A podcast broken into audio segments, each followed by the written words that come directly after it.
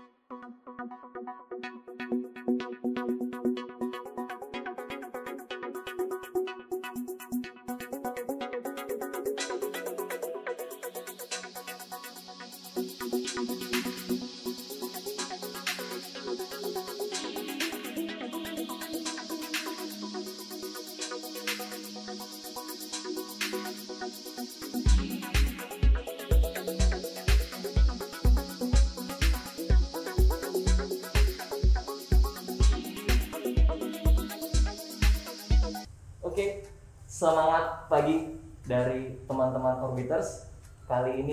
kita akan review nih, akan eh, berdiskusi juga sama pelaku usaha yang memang dari bawah juga sih. Ceritanya itu panjang banget, perjuangannya itu panjang banget pasti teman-teman Orbiter semua pengen tahu kan gimana sih ceritanya. Oke, di samping saya ini ada Ibu Haja Yuyun Iya. dan juga sama Ibu Dokter Dinda. Dinda. Wah, boleh dong Bu eh, dan Bu Dokter gimana sih eh, kita diceritakan gimana? Jadi eh, mungkin diceritain sedikit aja insight-nya latar belakangnya tuh eh, awal mulanya Ibu memulai usaha atau backgroundnya Ibu tuh seperti apa sih? Nah, ya. Silahkan. Makasih Pak Mas Raivan ya. Dan makasih semuanya. Apa kabar semuanya? Ya alhamdulillah eh, perjuangan saya merintis usaha ini memang eh, cukup panjang gitu kan. Tapi berawal dari sebelumnya saya memang pekerja. Saya saya sekretaris di perusahaan multinasional awalnya dan awal eh, pada saat itu saya punya anak hanya satu dokter Dinda baru satu dokter Dinda saya masih kerja terus pada saat anak kedua gitu kan eh, rasanya saya sudah tidak mungkin lagi ngurus anak neneknya Dinda itu ngurus anak dua anak dari saya gitu kan. Nggak mungkin saya juga saya pikir kita harus berubah harus berubah. Dan di situlah mulai eh, saya harus melakukan sesuatu yang memang eh, usaha gitu kan. Setelah bisa jalani kok ternyata enak juga ya usaha gitu kan. Karena memang sambil jaga anak saya pun bisa dapat penghasilan gitu kan. Walaupun masih sedikit gitu kan tapi lumayan anak-anak saya bisa saya handle seperti itu. Nah sambil berjalannya waktu mulai anak membesar ya dari mulai, mulai masuk SD ya ke mulai SD saya berpikir lagi kok kayaknya kurang dengan penghasilan yang di garasi itu gitu Iya. kan. Karena kayaknya eh, kita harus nambah. Akhirnya saya mencoba diskusi dengan suami kita melakukan sesuatu yang lebih dari yang sekarang saya sudah lakukan akhirnya suami juga berhenti bekerja gitu ya pertanyaan dia berhenti bekerja dan kita melanjutkan usaha yang optik tadi awalnya Nah, ketika suami bergabung, ternyata otak laki-laki lebih cerdas ya, lebih cerdas, langkahnya lebih panjang segala macam. Akhirnya kami bisa melakukan berkolaborasi dengan suami. Akhirnya kami mempunyai satu tetap optik juga. Usaha optiknya itu bisa berkembang sampai empat, empat Wow. ruko, yang satu di mall, gitu kan, satu di mall, tiga di ruko-ruko. Ya, ternyata jadi pengusaha enak juga ya bebas waktu bebas finansial gitu kan. Jadi kami juga bisa uh, terus bersama gitu kan ya. Tapi lagi enak-enaknya kami menikmati hasil dari uh, perjuangan kami tiba-tiba tahun 98 kena ada resesi. Itu yang saya rasakan ya Allah saya harus apa ini karena memang optik optik itu kan bukan bukan kebutuhan primer ya kan jadi eh, orang yang beli juga bangun dari ke satu tinggal satu kan di situ eh, siapa mau beli gitu ya oh, iya. Bukan Karena yang cepat habis ya, bukan maksudnya cepat habis ya bukan habis kan. beli terus Iya, cepat habis terus beli lagi. Iya, gitu. itu setahun sekali belinya juga gitu. Akhirnya saya mencoba untuk menggali potensi saya. Wah, Ya, potensi saya apa gitu kan. Oh, mungkin saya lebih suka dengan treatment gitu kan, dengan perawatan hobi jadinya berawal dari hobi. Nah, kebetulan alhamdulillah saya punya temen dia bawa produk dari Malaysia, kita join, kita ini berpartner. Nah, dari situlah mulai naik lagi gitu kan. Jadi yang optiknya sudah selesai, nggak bisa saya kembangkan lagi karena memang situasi tidak memungkinkan saya coba pakai yang hobi saya gitu kan. Kita berbisnis dengan hobi saya. Ternyata dengan bisnis hobi saya nggak merasa berat. Dan uh, potensi saya juga jadi keangkat lagi jadi semangat lagi.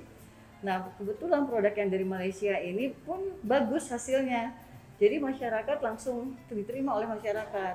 Nah di situlah Allah ngasih uh, suatu rezeki yang mulai bertahap gitulah dari situ terbukanya hambatannya ada ada pasti ada gitu kan. Nah minimal ketika kita menjalankan bisnis ini kalau kita suka kita hobi terus juga banyak yang menunjang dari kiri kanan itu sudah memperlancar. Kita jangan memaksakan tentang tetangga kita makan apa sukses di makanan minuman atau apa kita ikut-ikutan jangan. Fokus sesuai dengan ini aja passionnya kita apa nah jangan mengikuti orang lain gitu kan. Walaupun katanya rame di orang lain ya, gitu kan. Jangan ikut-ikutan yang penting kita jangan ikut-ikutan dan kita punya uh, prinsip sendiri ya. gitu kan. Itu. berarti kuncinya itu memaksimalkan fasilitas yang ada potensi yang potensi ada yang ada nah, oh, iya. jadi kita juga nggak nggak harus berfokus sama kelemahan yang kita miliki itu juga malah bikin down juga ya kayak gitu iya iya. Jadi maksimalkan aja potensi yang ada di sekitar kita yang ada di kita dan jangan ikut-ikutan itu yang terpenting. Kalau ikut-ikutan kalau misalnya kita itu bukannya passion kita nanti malah ya, mentok gitu kan. Bahasa sekarang tuh jangan latah deh ya. Jangan latah deh ya, gitu. semuanya juga harus perlu persiapan perlu ya gali juga. aja yang ada oh, gitu betul. kan. Waduh. Ini kan menarik ibu-ibu juga uh, selain sebagai uh, ibu sosok ibu juga sebagai pengusaha nih. Uh, jadi bagaimana sih ibu caranya mengatur waktu juga tuh kan pasti kan sampai punya anak yang udah bilang bisa bilang ibu udah bisa bilang saya berhasil nih ngedidik anak hmm. udah jadi dokter udah udah berhasil ada yang jadi pilot juga saya lihat ya, ya bu ya. ada yang masih kuliah sekarang ya bu ya terakhir terakhir ya, ya. wah itu kan bisa dibilang keberhasilan sosok ibu di luar dari keberhasilan usaha gimana tuh ngimbanginnya tuh bu jadi dari ya. ibu jadi pengusaha juga jadi ibu juga wah itu kan ya. bukan pekerjaan yang memang gampang nih. Gimana tuh? Ya intinya sih memang bukan uh, bukan hal yang mudah. Ya. tapi juga nggak sulit ya. Yang penting kita memang banyak berdoa aja untuk untuk kehidupan kita lah hidup kita petunjuk oleh Allah itu pertama kalinya. Yang kedua memang semua saya bikin simple jadi antara rumah tangga rumah dan usaha harus berdekatan gitu loh. Karena memang terkadang saya lagi lagi melayani ta, apa customer segala macam satu anak saya jatuh. Jadi gitu anak saya apa gitu kan. Tapi kan kalau ada apa-apa saya kan cepat mengatasinya ya. gitu lagi enak-enak uh, kerja tiba-tiba di sekolahnya apa masalah gitu kan. Cepet-cepet lari ke sana. Yang penting semua terjangkau. terjangkau. Iya jadi jangan cari yang jauh-jauh kalau mau bisnis cari yang dekat itu yang pertama gitu kan dan kolaborasi. Jadi kolaborasi saya sama suami alhamdulillah itu uh, semenjak kita komitmen kita mau usaha walaupun dengan susah payah gitu kan uh, bagaimana persiapannya. Tapi alhamdulillah komunikasi saya dengan suami gitu kan kolaborasi udah komitmen ya sudah ya. Itu juga komunikasinya uh, baik gitu loh. Keren banget ya sahabat orbiters. Jadi uh, saya juga mungkin uh, perlu diceritain juga nih bu sedikitnya uh, pastikan ibu juga nggak tiba-tiba jadi seperti ini hmm. gitu yang tadi saya keliling-keliling wah udah punya ruangan ini udah punya ini udah punya karyawan udah punya wah udah lumayan besar udah lumayan bagus udah lumayan berhasil tapi pasti ibu merasakan titik terendah yang mungkin ibu rasa itu aduh kok kayaknya begini ya. Nah itu keluar dari titik itu tuh ibu seperti apa? Dan titik uh, terendah yang ibu rasakan itu kayak gimana saat nih? apa? Iya saat apa? Kan ibu melewati tiga uh, resesi. resesi juga. Itu kan mungkin uh, ada salah satu tuh yang memang benar-benar ibu udah ngerasa kayak pasrah. ada pasrahnya ada putus asa sedikit tapi keluarnya itu gimana? Ya. banyak yang memang udah setelah itu udah titik terendah akhirnya melepaskan semuanya. Akhirnya ya. akhirnya dia bisa uh, juga beralih lagi ke yang lain atau mungkin stres juga nah itu kan perlu mental yang ya. gimana nih tips ininya bu bukan tipsnya uh, ibu strateginya nih strategi gimana nih coba ceritain Ya, silakan waktu awal krisis pertama Hmm. itu saya pernah eh, saat itu saya drop gitu kan, bisa drop sampai dengar telepon udah nggak bisa ring duduk duduk gitu kan gitu ya. Pokoknya eh, saat itu terendahnya saya gitu kan, kayaknya pasrah, kayaknya bingung gitu kan semuanya. Saya melihat anak saya tiga makan apa gitu kan, karena penghasilan nggak ada, anak tiga gitu Ya. kan. Terus juga semua itu itu itu, itu titik terendah saya gitu kan. Nah di sini saya bilang sama suami terserah, eh, eh, saya manggilnya Mas Don gitu ya, mau kerja apa terserah. Yang penting cari uang gitu kan, cari uang untuk tiga anak kita gitu kan seperti itu. Ada juga jadi saya nggak bisa bantu karena kan saya nggak bisa bantu karena di situ saat saya lagi kondisi lemah gitu kan. Terus juga eh, di situlah saat saya memang titik terendah saya di situ. Nah akhirnya suami mau kerja apa dalam kondisi seperti ini gitu kan. Nah boleh nggak saya jualan teh botol katanya Oh. gitu jadi agen teh botol kata Wow. suami apa aja yang penting dapat uang saya bilang gitu kan boleh nggak saya jadi supir taksi boleh apa aja boleh apa aja tapi ibu dukung terus tuh Iya, ya saya dukung siapa pun pokoknya eh, saya dukung suami. Boleh nggak jadi tukang buah? Boleh. Pokoknya apa aja jualan. Kemudian cari uang. Kita nggak mungkin eh, begini gitu kan. sekarang ini kan gini nih bu sekarang ini kita uh, berada pada era digital nih. Iya. dan ibu sendiri punya usaha yang memang pastinya uh, nggak akan mau seperti ini aja berkembang dan ditimpah lagi pandemi nih Iya. Nah, sekarang ini kan ada tagline itu yang menguasai digital ya itulah yang akan bisa bertahan. Betul. Nah, eh, jadi penyesuaiannya ibu dari segi usaha ke dunia digital ini seperti apa sih? Nah ini lagi. Pas digital saya mentok karena usia saya yang udah nggak muda lagi, gaptek. Nah alhamdulillah ya saya punya anak dokter Dinda yang memang seorang pun seorang dokter, tapi milenial gitu kan. Oke. Jadi menguasai digital. Nah di situlah yang akhirnya kita kolaborasi lagi. Pada waktu itu saya kolaborasi dengan suami eh, eranya ya, istilahnya dengan dengan eh, dengan segala macam kekuatannya. Pada saat kami ulah mulai usia kami sudah tidak muda lagi, masuklah era digital yang kami juga mau belajar lagi ya nggak bisa ngabisin waktu. Alhamdulillah walaupun dokter Dinda seorang dokter dia menguasai dunia digital. Jadinya ya kita terbantu oleh dokter Dinda mungkin bisa disampaikan dulu Coba dong dokter gimana rahasianya gimana? Pasti. Mau denger juga dong ceritanya gimana menyesuaikan Iya. eh, perlu effort lebih nggak nih untuk Kebetulan kan juga aku berarti hidup dari masa dulu gitu ya, masanya Ibu tua. Yuyun tuh 98 dan kesusahan-kesusahan lainnya gitu kan. Jadi sangat mengikuti tuh gimana sih eh, perjalanannya dan perubahan masa gitu kan sampai kayak sekarang juga yang digital jadi sangat eh, naik gitu lah utama lah kalau sekarang ya semua orang megang handphone gitu semua orang buka sosmed jadi eh, di situ ya karena saya juga termasuk pemain sosmed yang sangat apa ya aktif. aktif gitu Aktif. kan. Aktif terus lama gitu kalau memang apa main sosmed tuh memang lihat dan itu juga saya nggak cuma ngelihat aja memang saya juga mencari ide gitu. Kira-kira tren apa sih di sosmed yang sekarang lagi uh, in misalnya gitu lagi lagi viral apa. Jadi dari situ uh, saya mencoba buat menaikkan usaha yang orang tua jalankan ke dalam dunia digital. gitu. Nah kebetulan juga nggak disangka-sangka ternyata saya juga punya seni di dalam bidang creator, content creator gitu Wow. jadinya.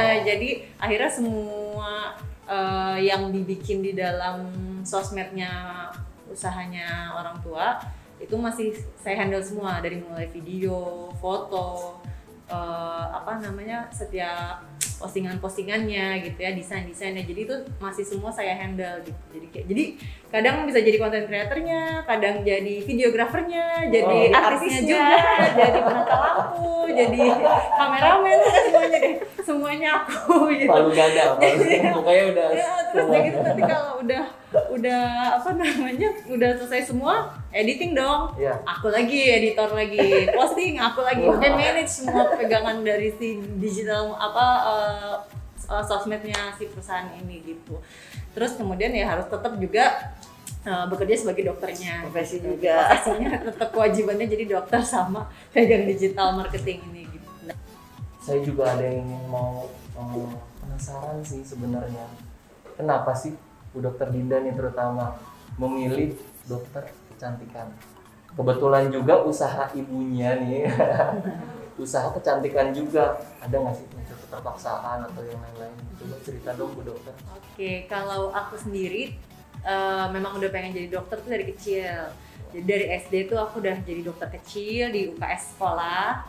Terus kemudian pas SMP pun juga ekstrakurikuler tuh waktu itu ngambil PMR. Dan pas SMA ada tugas karya tulis gitu kan. Itu juga udah pengennya tuh maunya ngambil tentang kesehatan, terutama kesehatan kulit.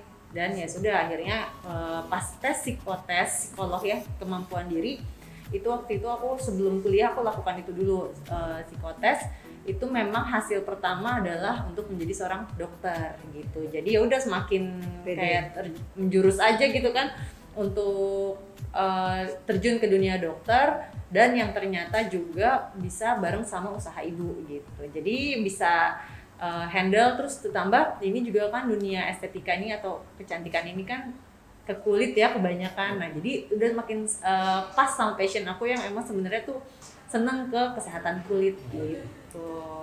Oke, menarik banget nih. Eh, kemudian kita sampai di pertanyaan terakhir, diskusi yang terakhir. Eh, kebetulan Orbitin ini kan kita akan fokus eh, membantu teman-teman eh, dari UMKM untuk meningkatkan, meleverage lagi usahanya eh, supaya bisa tumbuh, berkembang dan berkelanjutan terutama. Jadi dari sisi Ibu Haji Haja Yuyun gimana sih uh, tips dan triknya nih untuk teman-teman semua UMKM di luar sana yang masih uh, berjuang nih untuk usahanya juga gitu. Iya, iya. Ya, terima kasih Mas. Intinya sih ketika kita memutuskan untuk menjadi uh, pengusaha itu adalah sebuah komitmen, gitu kan. Dan yang pertama harus saya ingat adalah harus kuat, gitu ya. Kuat. Tapi kalau buat saya kuat itu uh, bukan sekedar kuat badannya, bukan ya. Selain kuat badannya, kuat mentalnya, kuat fisiknya itu kan kuat. ya. Tapi saya pun juga saya uh, rinci juga.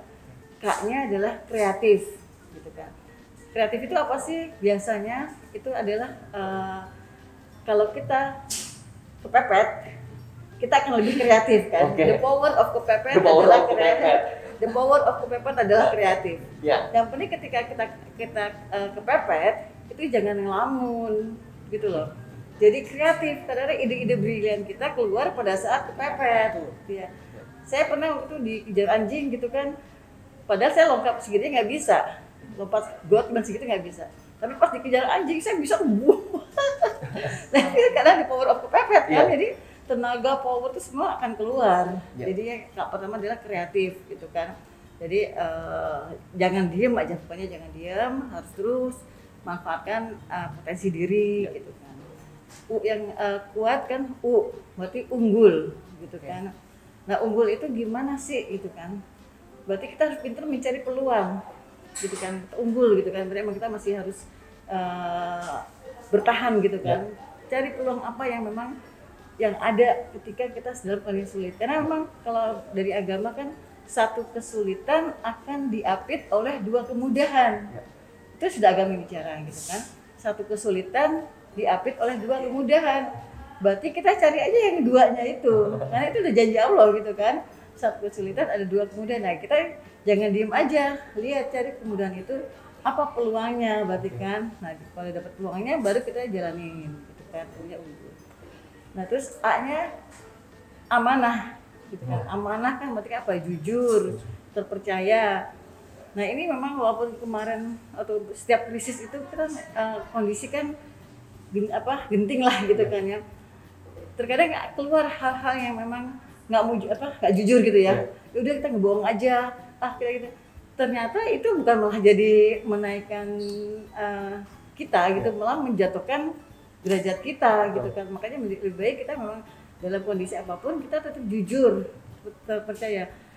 Nah ternyata kan yang saya tahu orang yang memang karakternya tidak jujur, dia juga seneng yang jujur kan, Iya. nggak mau dibohongin juga mau kan. Kan ada orang yang memang karakternya tidak jujur, dia emang ke mana-mana dia senengnya ngebohong aja gitu kan ada loh tapi ternyata pas saya tahu ternyata dia bilang kan punya teman seperti itu soalnya gitu kan. Gue nggak suka dibohongin. Lah lu ngebohongin orang banyak gitu kan. Iya. pas tapi dia sendiri ternyata orang yang tidak jujur aja nggak suka dibohongin gitu Ya. kan. Apalagi kalau kita tuh ke mana-mana jujur. Ya. kita terpercaya. Jadi eh, mempermudah bantuan-bantuan. Berarti kan oh ya nah itulah dengan- dengan mempermudah bantuan itu yang kita memperlancar usaha, Usaha. gitu kan Berkolaborasi lebih Iya. lancar lah. gitu. Iya. T-nya adalah tangguh Oke.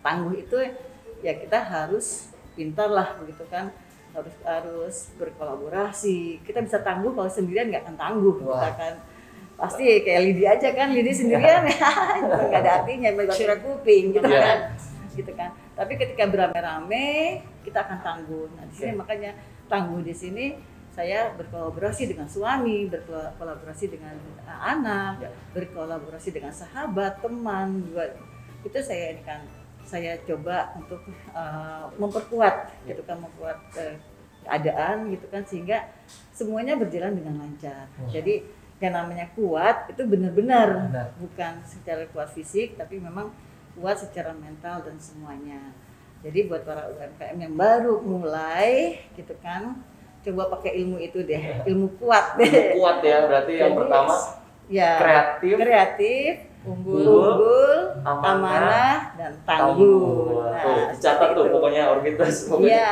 kuat pokoknya semua harus, harus kuat. kuat. jadi ke mana-mana kuat. Nah gitu. Dan tetap semangat, Ya. karena buat saya semangat itu seperti kalau uh, di mobil adalah bensinnya. Mau secanggih apa pun bens bensin itu, kalau nggak eh kalau mobil itu tidak ada bensinnya, tetap tidak berguna. Cuman bisa diliatin aja gitu kan. Tapi kalau ada bensinnya, walaupun mobilnya jelek, ada bensinnya bermanfaat nggak? Iya. Nah itu. Jadi semangat buat saya adalah salah satu uh, kunci kunci keberhasilan para UMKM. Tetap semangat, tetap semangat. Terus ketika kita, kita mau loyo, semangat lagi, kuat lagi, semangat lagi. Jadi Iya. itu aja terus Tetap semangat. yang harus tetap semangat. Jadi insya Allah kita akan diridhoi sama Allah. Dan jangan lupa terus belajar eh, apa namanya ikhtiar dan berdoa banyak berdoa. Nah mudah-mudahan selamat lah seperti itu. Amin. Jadi ini dari saya Wah, terima kasih tipsnya. untuk dari Bu Hajah Yuyun uh, untuk teman-teman UMKM semua. Uh, jadi ada beberapa tips dan triknya dari Bu dan juga saya juga pengen nih da- dari Bu Dokter Dinda nih gimana sih? Milenial. Dari segi milenialnya nih uh, tips dan triknya untuk uh, UMKM yang khususnya mungkin yang masih muda semua merintis usahanya Yang uh, mentalnya mungkin yang- masih. iya, untuk bisa lebih maju lagi nih gimana? Kalau dari aku mungkin gini sih ya perbedaan generasi pasti akan ada perbedaan mental gitu. Jadi eh, aku sangat melihat bagaimana perbedaan mental generasi yang eh, ibu gitu ya sama generasi aku dan di bawah aku gitu kurang lebih. Nah itu tuh sangat kelihatan banget dari mulai eh, daya juang terus mental apa ya karena sekarang lebih semua lebih dipermudah gitu jadi otomatis nggak struggle-nya tuh kurang usahanya kurang gitu. Tapi bukan berarti tidak ada. Cuman sekarang enaknya zaman sekarang zaman now nih enaknya fasilitas banyak Banyak. gitu. Jadi kayak misalnya nih eh, kalian yang pengen punya usaha gitu nah kalau pengen bidang apa itu intinya kayak kalian searching searching terus bisa lihat nih ke- eh, kemungkinan untuk eh, bidang apa ya yang saya sukai Hmm. kadang nggak suka juga tapi kalau untuk apa ya untuk jadi pendapatan Hmm.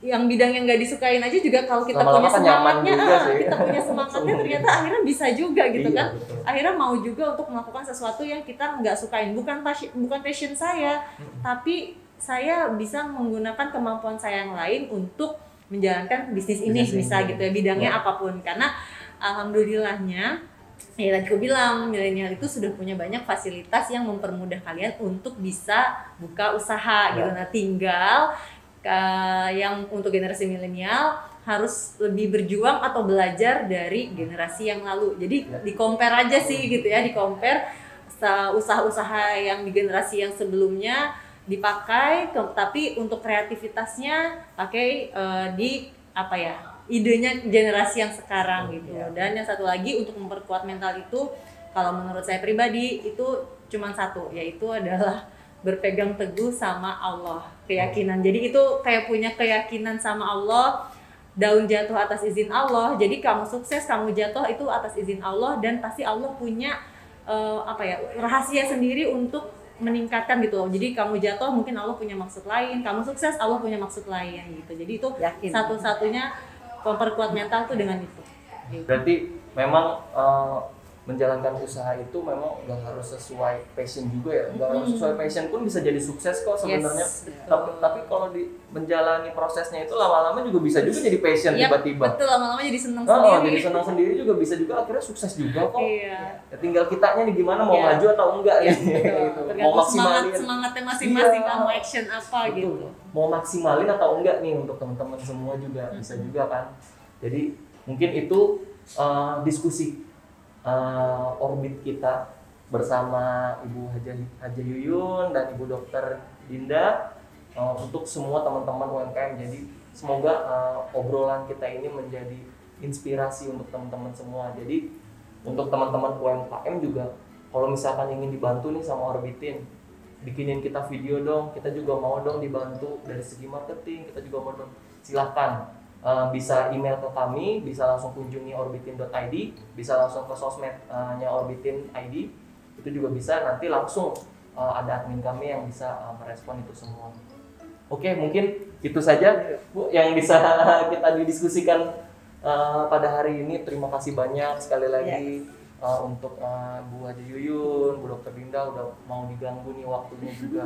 Karena di tengah-tengah kesibukan ini juga uh, pasti ada banyak kesibukan juga yang Iya. jadi kita ganggu sedikit lah jadi untuk UMKM semua terima kasih semoga bisnisnya juga bisa lebih berkembang lagi bisa lebih tumbuh lagi bisa lebih Amin. berkelanjutan lagi Amin. dan bisa membuka lapangan pekerjaan lagi yang Amin. lebih besar Wah, Amin. itu itu uh, visi misinya pasti sesuai lah untuk semuanya dan jangan lupa juga uh, tetap patuhi protokol kesehatan untuk teman-teman semua Uh, saya Raifin Markom dari Orbitin. Pamit. Assalamualaikum warahmatullahi wabarakatuh. Salam.